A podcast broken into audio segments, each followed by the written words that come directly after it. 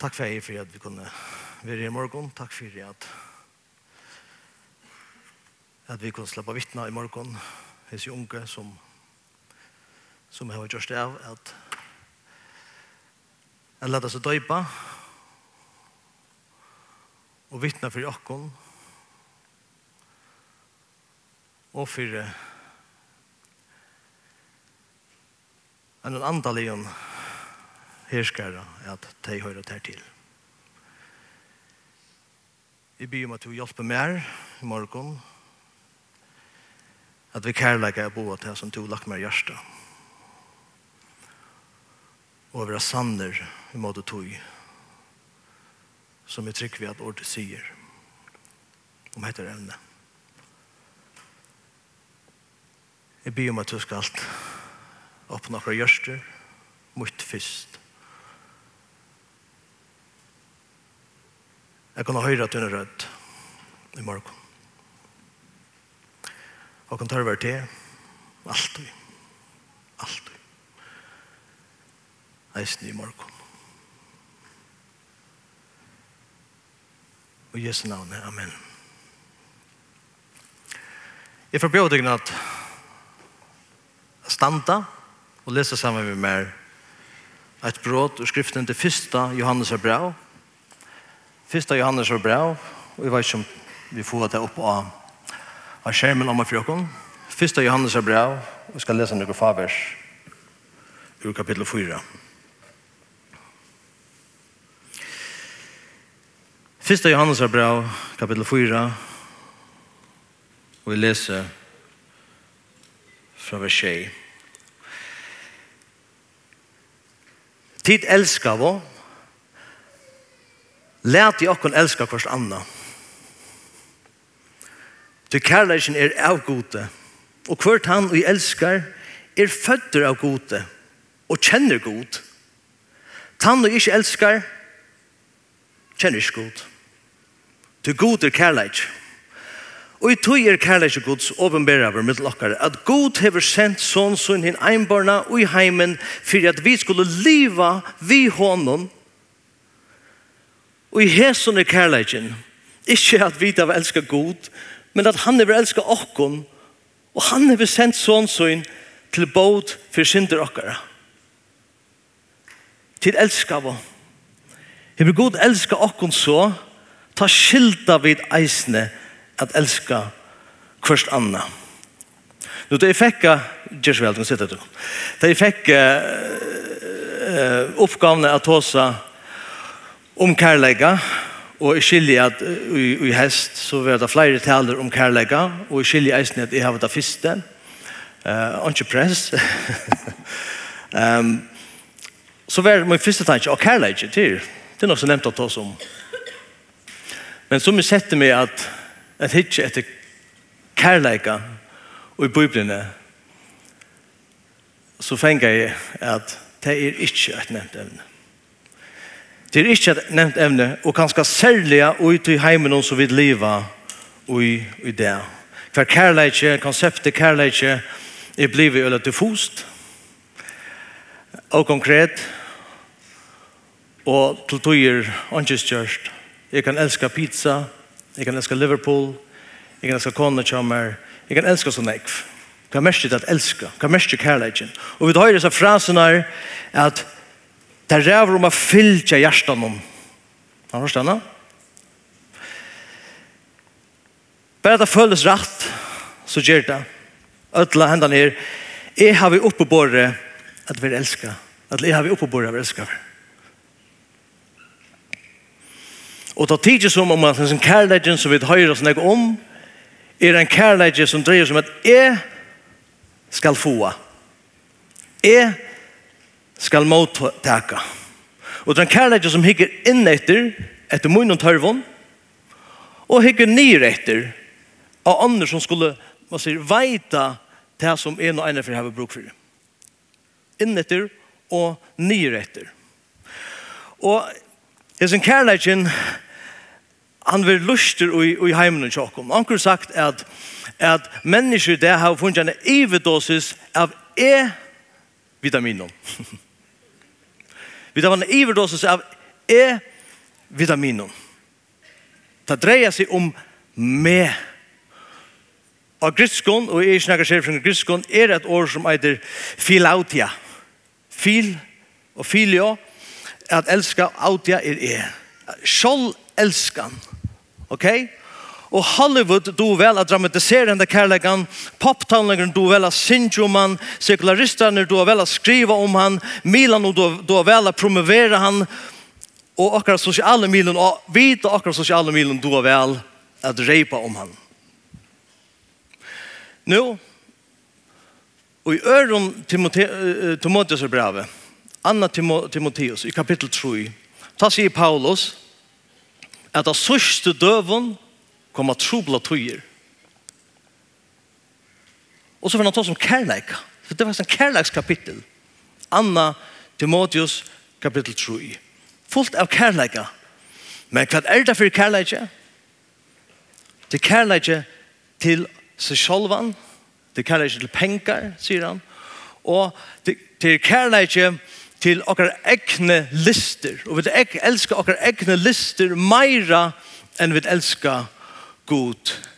Men her kommer et ivræsje, eller kanskje et sjokk. Da, da Paulus tåser, eller skriver til Timoteus, da skriver han ikke om heimen. Men han skriver om oss som samkommer.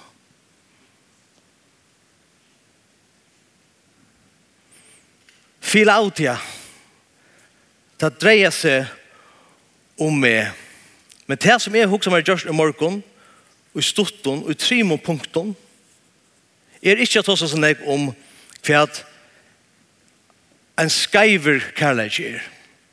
Men heldre at også om kærleiken som er åpenbæraver og i åregods. Som politisteren som ble spurt og som jeg som var serfringer at, at, at, at, at fenga eller kjenne falskar pengasedlar for hvordan jeg tog bruker at at kan falska pengasedlar man sier ikke ett minut men jeg bruker mot liv att granska rattar pengasedlar vi får prøve at ikke du rätta pengasedlar. kvad er kärlek i Guds så er man er uppenbar over i skriftene. Og tror jeg en punkt kan jag spela spårningen kvad är kärlek Hvordan kjennes kærleikken? Og så nummer 3, hva kostar kærleikken? er kjemer han. Vi så lås i, i, i första, första Johannes brevet og i vers 8 hva det stender God er kærleikje. Og det stender 8 i vers 16 God er kærleikje. Nu, en som heter Tozer, som er leksjon av dig, men som er alltid dömt vel av Lise, han sier av enskon, What comes into your mind when you think about God is the most important thing about you. Det som kommer inn i okkar hoa, tar vi et hukse om god, tantanken er det mest tuttningar mesta som kan sies om okkar liv. Hvis jeg nå gav dere kunne sel og sier, beskriva god vid en år. Hva er det kommer nira selan? Så hvis jeg husker om god som er jolamann, som er fitter, og han dukker opp ene fra Mare, og han gjør meg gaver, så får jeg leva som om at god er en jolamann. Hvis det god er bare en terapeuter eller lakne som skal hjelpe meg ved munn og trobelegon, så får jeg søtja og leva som om at god bare, bare er til. Han er eisende til. Og hvis god er en ganda kallar som skal ta e, be han koma vi omkron, eller veita med okkurst, skal bæra disk oppvittui, så for at liva som om god er en ganda kallar. Ötla så vi er, hvis god er for meg en domar, en ytler domar, så får at liva som om god er en ytler domar. Ötla, hvis jeg trygg vi at god er seg til, så får at liva som om god er seg til. God er kærleikje. Jesus uh, sier, i Johannes 16 at fægeren hever elska meg åren heimer med grundaver. Ok? Hver kommer kærlighet fra? Han kommer fra ankron som er åren universet var skapt. Og så sier, nå blir det kompliseret over. Nei, det er så rævla viktig. At Gud elskar åren han skapte til. Men hvem elskar han? Hvem elskar Gud? Hvis Gud er kærleikje, og han er kærleikje fra evenon, hvem elskar han? Han elskar verleggen seg sjálvan. Og takk han som smakkar ytterlig munnen sjálv. God elskar seg sjálvan. God er ein troi eint. Og vi tar hørsta for at vi er smabbat. God er ein god, men han er ein troi eint. Og vi sutja at mittlen tar trutje personene ut trojentene er en evig fullkommen kosmisker vekur kærleik som vær arn vit vår skapt. Det dreier seg ikke først og fremst om okkon. Sorry. God elskar en fullkomnan, vi fullkomnan av en kærleika en vit vår skapt. Og til som om at her personene og i troendene kappast om å slappe heira hver en øren og at djeva hver en øren gaver for å vise hvordan store kærleikken er og i middelen tar. Og jeg har også med det her, jeg minst særlig var bad, jeg trodde ikke at det var rævlig åndrant, universet var rævlig åndrant og en verden var til. God er fullkommen. Han er beskrivelig av vekker. Og han er behøver ikke bruk for dere. For jeg vil være glad for at dere kan elske. Færen sier vi sånn, jeg elsker det. Og jeg må gjøre til et folk. Og sånne sier, hvis du kommer med et folk, så ta deg for å tilbe meg, så får jeg be deg, be og gjøre noe med, men jeg skulle be til togjen. En evig kærlighet, og jeg tror jeg, og jeg god til sjalvom, er en Ja, er vel like Arjen, for ikke to som Arjen og alt annet ellers, men er vel like noen hever god elska hina personene og i tru endene. Og han er fullkomelig nøkter og glæver og hever ikke bruk for det. Okkon. Men kærleikken, det stender god er kærleikken, Det er den eneste kvaliteten som vi leser om i Bibelen, hver god ferd til som et, som et navnår. Han er kærlig, han er sånn ekve anna, han er rattviser, han er heilavur, og, og, og, og, og, og, og, og så videre. Men at han er kærlig ikke, Jag han å skilje at god og sin er existens eksistens og nature er kærlig. Det er mest ikke at god er kærlig, det er kærlig er god, nei, God er kærleik i sin innaste eksistense.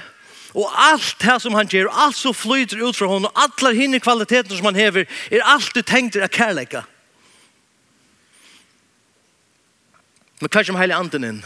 Heilig anden, heilig anden som inn, han sier, er for at, er for mittlen, feiren og sonen, for er at kommunikere etter her. Hetta veldige kærleiks, kærleiksvarslene kosmiske kærlagsverslene, og er for å bjøve teimen inn og igjen. Skapningen inn og igjen. Og i Rombraun 5, 5 leser vi at, at, at kærleggen er uthelder i okker gjørste, Vi heile andan. Han bjauar okken inn og jesa kærlegs varslina. Ikke for å ta seg nye, nye kærlegs, men og jesa heiers varslina. Nå er vi bøyen inn og gjennom. Og Johannes sier, hvis det enn er Johannes brann, så sier han i kapittel 3, vers 1, «Suttje hvordan står han kærleika fægeren hever vust okkon, at vi skulle kallas bøtnkods, vi sleppa no eisen inn i, og vi er nu kallet bøtnkods.» Nå, og jeg mener der, at vi er jo i 1901 trus, eller 2 trus. Og utenfor kvite husene, Her stender en lyd til uh, fyra år gammal dronker. Han heter John John. Åtta fire gæraner og kvitt husen om. Og så John John uh, uh, genger mot uh, porsen og uh, uh, gæren og um, kvitt husene, så åpnas det, og han genger bare inn purasta og tarnaver. Han renner opp ned til kvitthusene, og vi, vi, vi dittner kvitthusene standa tvær, tvær, tvær, tvær vakter, og tar seg ikke, han genger inn, Angen sier nei, han kommer inn, inn i resepsjonshølene, og her sier en, en resepsjonister, og han bare vinker til han, og han renner tvers om, om, um, resepsjon, resepsjonsgangene, uh, uh, og renner inn i gangene som fører inn til ovala uh, kontoret. Akkurat hendan dagen hever presidenten en viktig fond vi heimsleiere, og, men det er så litt John John, han renner inn, og han åpner horene, og Han ser presidenten, og han renner inn til presidenten, og han hoppar om han. Og presidenten sier, herrar, stoppa lykka, jeg har også riktig å gjøre. Og han teker luttla John John og sier, good morning, my son.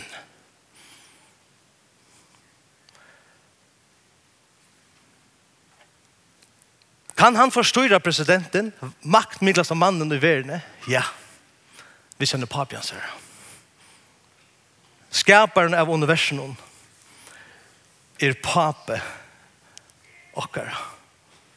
Sutt hvordan står han kærlega feiren her vurs okkur, at vi skulle kallas bøngods og vi er det. Kvianne kommer han, kærlegen, han kommer ur gode sjolvon. Hvordan kjennes han til den nasta?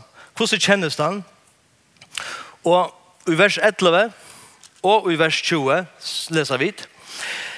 Tid elskar vi. Hever god elskar okkon så. Ta skilta vid eisne at elskar kon annan. Og i vers 20 sier anker, i elskar god, men heta braursyn, så er han liknar. Du han som ikkje elskar braursyn, som han vil se, hvordan skal han kunne elska god som han ikkje vil se? Ok, Opprunnet til kærleken er god sjolver. Men hvordan er han livet ut i akkurat livet? At vi elsker hvem annan. Og hettar er det en bådskap i bære seg sjolven. Hvordan elsker vi hvem annan som samkommer? Vi har sånn agape kærleken som har opprunnet i god sjolven, men som er uthelter i akkurat gjørsten. Nå, uh, Svirpa, som jeg sier, at en av de, uh, de heiti, kona min var, var baden. Og hon skjeldte seg badjan og kjøs og hon var ytterlig badjan og kjøs så sier han ytterlig mamman, heidi du måst elska badjan og kjøs. Og hon sier, I love them, I just don't like them.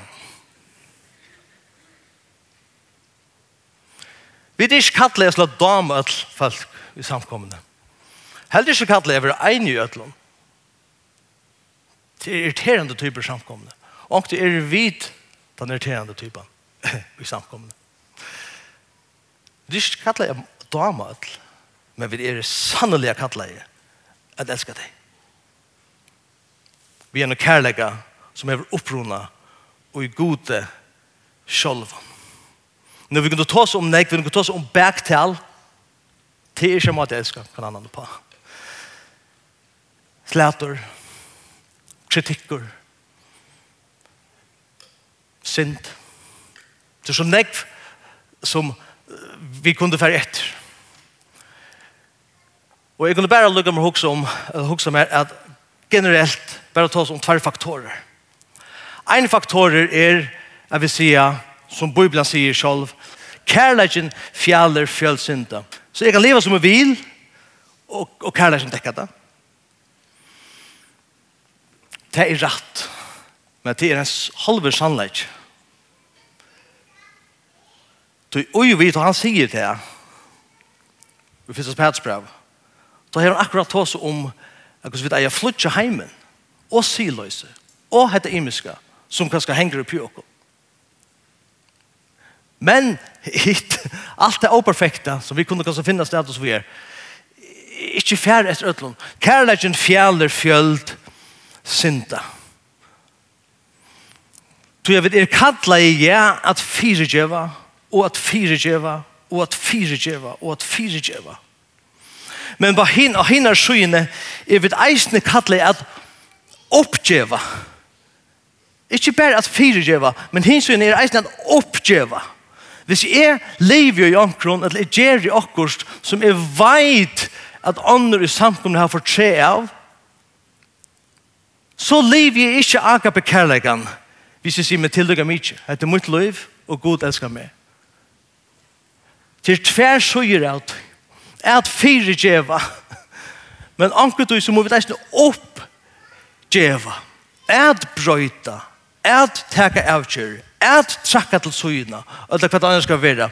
Fire kærlegan skuld, det er gjer i okkur som er til anstøyt, som er til motfattelig, og som er ganske, er, er vidt til at at øye letja ganske trunna sjokk.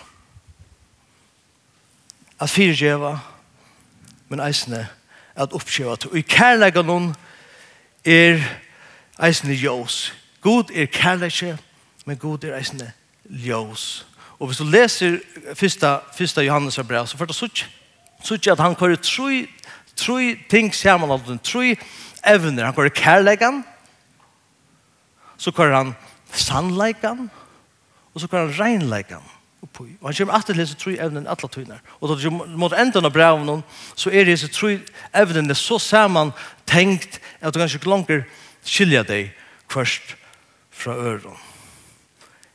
Jeg trykker at den beste evangeliseringen som vi kunne hava ut etter og en signe luftene for alle aktivitetene som de gjør med den beste vittnesbordet, den beste bådskapen som vi kunne sende ut til høyvigar, ut til følger, er at folk som verilig elskar først anna.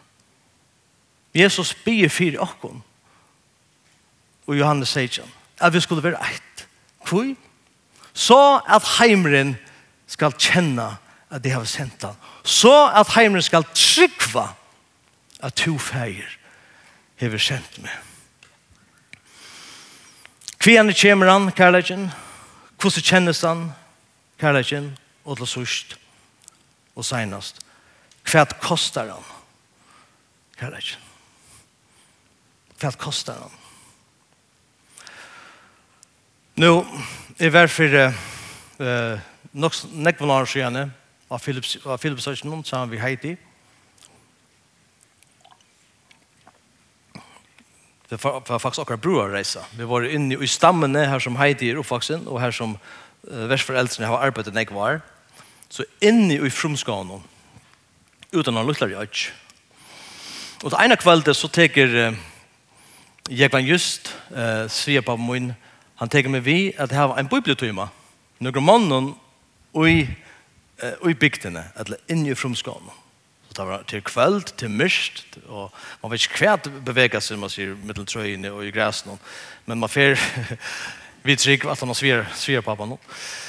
Og vi kom inn i en sånn hytte, og vi sitter og nyer, og her så det, hvis jeg minnes rett, her så det fem eller seks eller tjej menn av gulven noen, det var Esterinio som jeg minnes rett, og, og i sånn luttelig småttene, mitt, i, midt av gulven noen, myrst, myrst, Og det var så så alvorlig ut disse mennene. Og det var så det så les her. Altså kryssa i bein, men noe som hendet med han. Så jeg sier, jeg må fortelle meg hvordan man skal gjøre, for jeg vil gjerne vire mentene nå over det her. Bare sier rein, man kan gjøre så jeg sier. Og ikke minst rett, så er det så jeg sier, man gjør så leis, og så leis, og så teker det, tar halden handen, så så det på hendene, så skal man tenke om man hender seg deimen, og så kan man si, hitja der egin, og så skal man si, panget, Ok, såles, såles. Panget. Så jeg gjør det alle rundene, og det var stadig alvorlig. Men da jeg gjør alle rundene, ta brust der du gjør av lennene. Dette med. Jeg sier, å, jeg kan just katte det nå gjørst. Hva mest er panget? Og panget mest er, to erst jøter. Men tack kan komma fyra med hepa. Men då sitter i en djungle med män som ser allvarligt ut och i hans stövne och då säger Tu erst stjóter, tu erst stjóter, tu erst stjóter, gjort allar rundna. Og tar var vi på at det kjenner jeg om just. Og så har hildes her entel den sørste, hei funnet, hei så vøker helsene fra meg. Tu erst stjóter. Men tid, Det er akkurs vi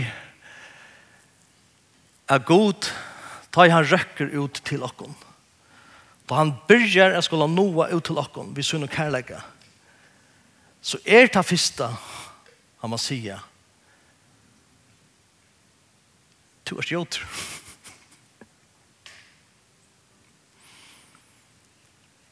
Du er syndafotler. Du er fortapter. Du er Tu er fattlen. Tu er skilt fra mer.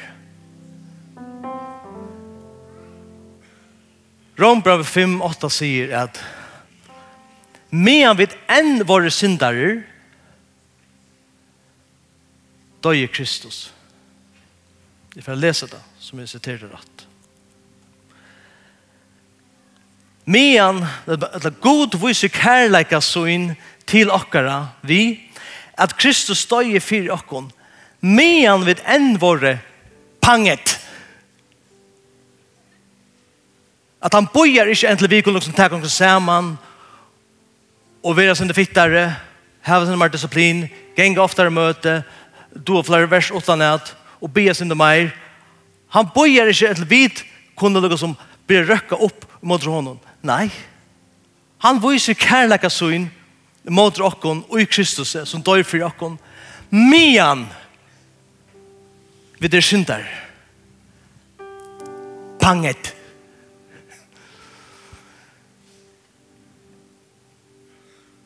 God røkker ikke ned til okkon til at vi der vøker han røkker ned til okkon til han er vekk han røkker ikke ned til okkon til at vi kunne vise kærlega men til at han er kærlega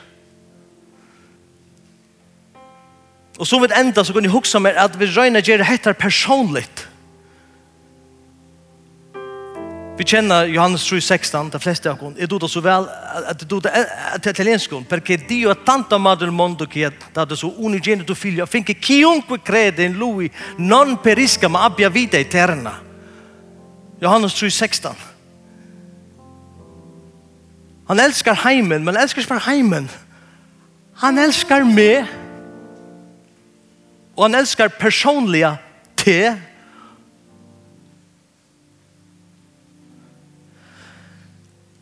Paulus, vi får takka hans, hans år, og vi vil gjerne gjøre det okkara, gjøre det personlig for okkara. Han sier i, i Galaterbrand 2.20, det er krossfester ved Kristus, og det er ikke langer er som livet.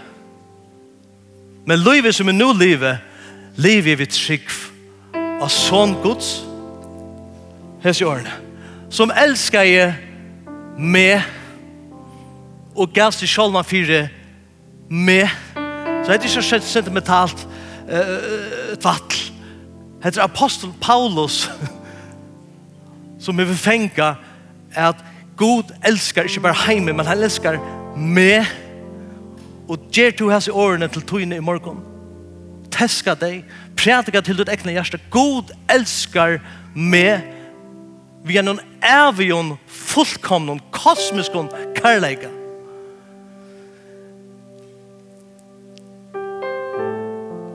Så tar vi færre Filippi brev 2 og han sier at at mean nei, han som råknar ikke for rana vil har kallat vi jaunlig gods tås om Jesus Men altså, sjalvun sier han undan tog og blei en som menneska. Kvui? Tog han elskar meg og gav seg sjalvan fyrir meg. Og tar han meg styr fram som menneska, setter han seg sjalvan lagt kvui? Tog han elskar meg og gav seg sjalvan for meg. Og var viljer til deian, ja, krossdeian, men kvui? Kvui?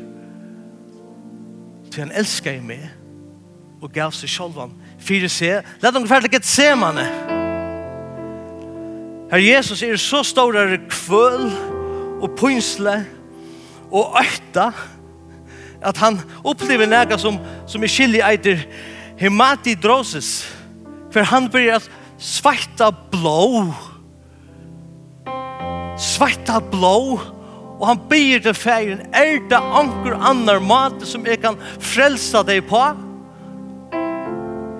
Og feiren teger, og vi høyra fyra kom frasna. Tog han elskar jeg med og gav seg sjálvan fyrir med. Så det sørsta. Av Golgata, at han og han hefur vært åras for stømter, spottaver, hover, spurtera, torna krunter, hoflongter. Og nu hongra han om krosset, nelter og gjøgnen hender og føtter. Og han råpar, Eloi, Eloi, lama sabachthani. God mun, god mun, kvoi er du færen fra meg? Og at det teger him himmelen, og færen teger. Men vi høyra fyrir okkom. Kvoi? Kvoi? Så han elsker meg og gav seg selv han for meg.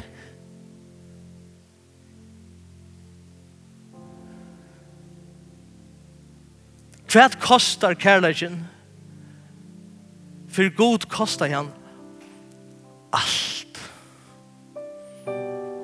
Han kostar jeg alt. Og han gjør det da ikke bare for å vise hvordan jeg, han elsker dere så vi kan säga, ja, du älskar mig sån ägg, ja, som jag röjna älskar till att.